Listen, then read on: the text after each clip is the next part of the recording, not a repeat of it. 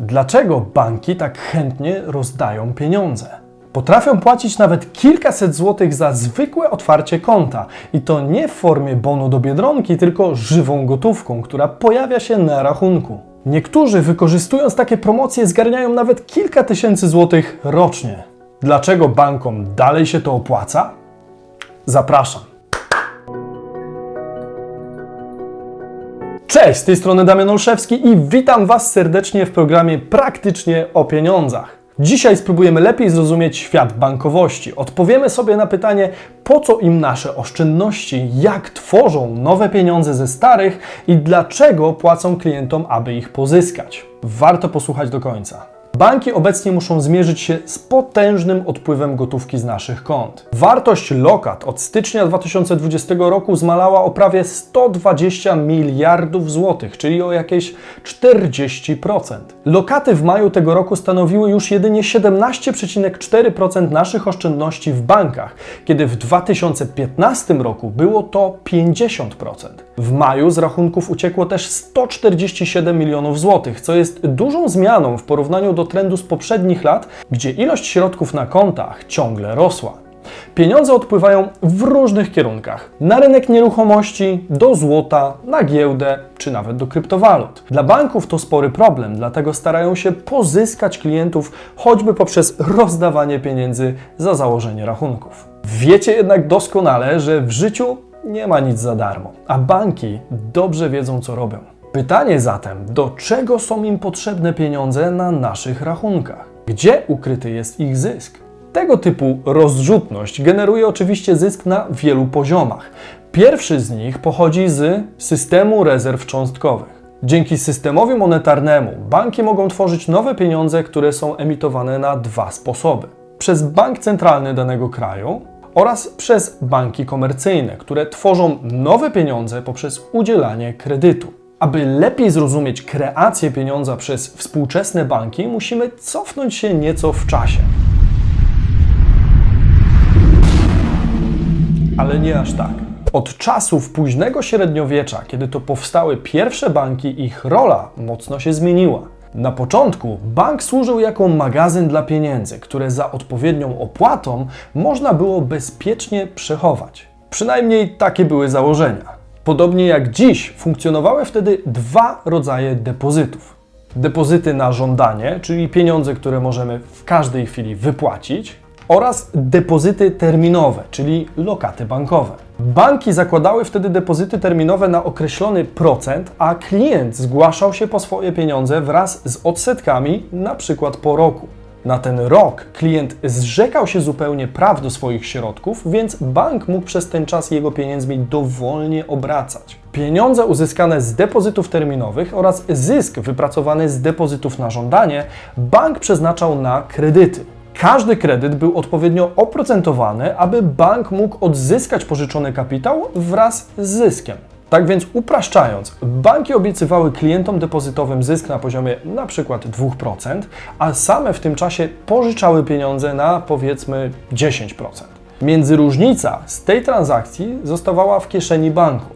Taki system nazwano systemem rezerwy pełnej. Banki były wtedy gotowe do uregulowania pełnej sumy swoich zobowiązań w każdej chwili. Dzisiaj za sprawą systemu rezerwy cząstkowej wygląda to zupełnie inaczej. Bank nie musi już posiadać pieniędzy, aby je pożyczać. Brzmi niewiarygodnie? Wystarczy niewielka część środków posiadanych na rachunkach, aby tworzyć nowe pieniądze. Między innymi dlatego banki potrzebują nowych klientów i depozytów na ich rachunkach. Bank musi zachować jedynie niewielką część kwoty, jaka została zdeponowana na naszym koncie w formie tak zwanej rezerwy cząstkowej. Całą resztę może pożyczyć kolejnemu klientowi. W Polsce od kwietnia 2020 roku poziom rezerwy obowiązkowej wynosi zaledwie 0,5%.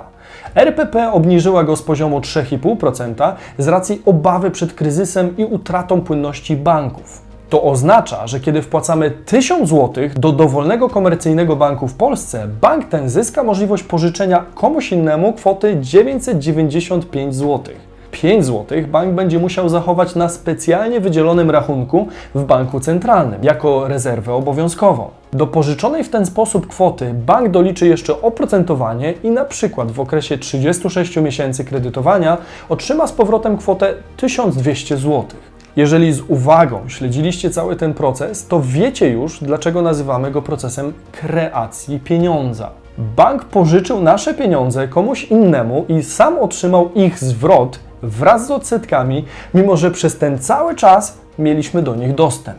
Środki, które trafiają na nasze konta, nazywamy depozytem na żądanie, czyli tak zwanym rodzajem gotówki, który w każdej chwili możemy wyciągnąć. Banki komercyjne na całym świecie kreują nowe pieniądze dzięki tym starym, które decydujemy się przechowywać na rachunkach. I jak tu nie płacić klientom za taki przywilej? Kolejnym argumentem, aby klient otrzymał żywą gotówkę za założenie konta, są długoterminowe zyski, jakie generują opłaty i produkty bankowe. Banki odzyskują rozdane pieniądze również w formie różnego rodzaju opłat, które później na nas narzucają.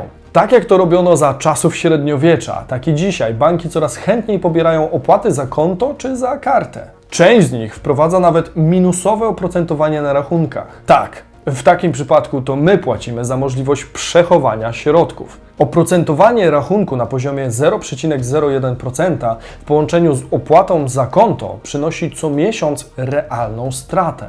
Nie wspominając już o inflacji, która oficjalnie uszczupla nasze portfele o dodatkowe 5% rocznie. Jednak opłaty bankowe to okruszki ze stołu w porównaniu do wysokomarżowych produktów takich jak kredyty. Dlatego część banków nie nakłada opłat za konto.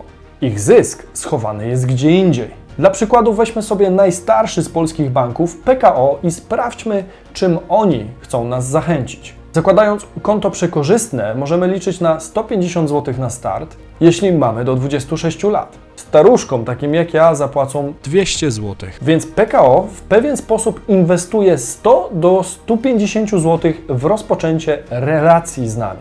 Gdzieś to sobie będą musieli odbić, ale jak widzimy, nie na opłatach.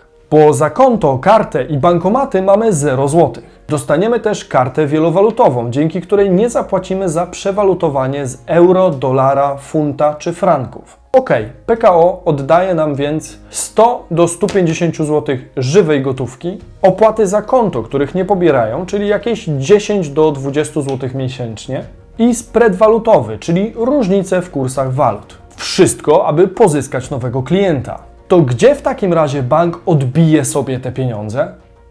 Zgadnijcie, w akcji kredytowej. Opłaty bankowe to dość niewielka pula w porównaniu z zyskami z kredytów. Na rynku trwa właśnie niewyobrażalna hossa pożyczkowa, która spowodowana jest znacznie wzmożonym po lockdownach popytem oraz niskimi stopami procentowymi. W lipcu tego roku po raz kolejny pobiliśmy historyczny rekord miesięcznej wartości akcji kredytowej. Polacy pożyczyli ponad 8 miliardów złotych. Każdy bank chce z tego tortu kawałek dla siebie, a żeby móc pożyczać więcej, potrzeba więcej czego? No właśnie, pieniędzy, które mamy na rachunkach, po to, żeby móc stworzyć te nowe i je pożyczyć. W statystykach udzielanych w Polsce kredytów PKO znajdziemy w samej czołówce. Zarówno w przypadku kredytów hipotecznych na dom czy mieszkanie, jak i tych konsumenckich, na potęgę udzielanych choćby za sprawą e-commerce i coraz popularniejszych rat 0%.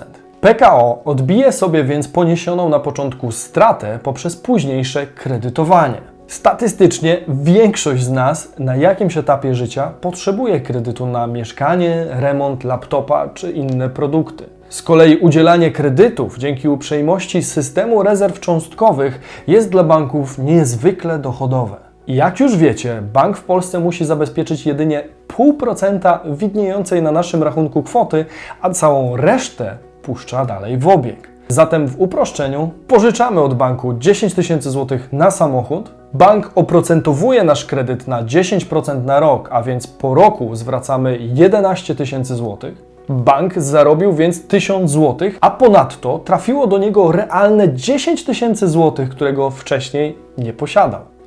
Magia. Podobnie jest w przypadku kredytu hipotecznego, gdzie wraz z odsetkami w skali 30 lat możemy zapłacić nawet blisko dwukrotności pożyczonej kwoty. Dajcie znać, czy interesują Was odcinki z innymi, konkretnymi przykładami ofert z polskiego rynku. A ofertę partnera dzisiejszego odcinka banku PKO znajdziecie w linku w opisie. Subskrybujcie po więcej i do zobaczenia w niedzielę o 15. Cześć!